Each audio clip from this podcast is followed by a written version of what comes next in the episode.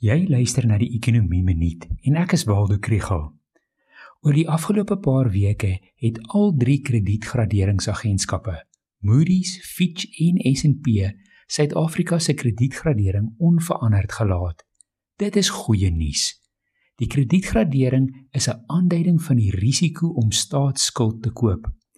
Hoe swakker die gradering, hoe hoër is die rentekoers wat beleggers vereis om wel in staatsskuld te belê.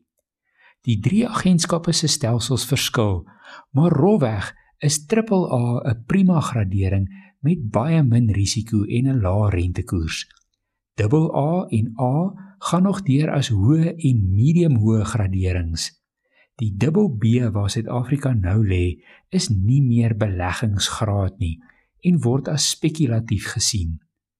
Die faktore wat tans in Suid-Afrika se guns werk, is geloofwaardige monetêre beleid 'n swewende wisselkoers, 'n goed gekapitaliseerde en gereguleerde bankstelsel, 'n likwide kapitaalmark en die feit dat baie min van ons staatsskuld in buitelandse valuta geleen is. Die bedreigings het alles te doen met faktore wat sou kon lei tot weghol owerheidsbesteding en die noodsaak om nog meer staatsskuld te maak. Byvoorbeeld die begrotingstekort bly groot en die rente op die staatsskuld hou aan groei. Openbare ondernemings het ook hoë skuldvlakke en dit alles terwyl ekonomiese ongelykheid meer besteding vereis en die ekonomie relatief stadig groei.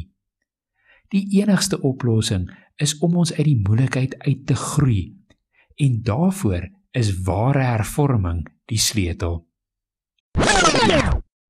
As jy meer van die ekonomie wil leer, volg die ekonomie blok.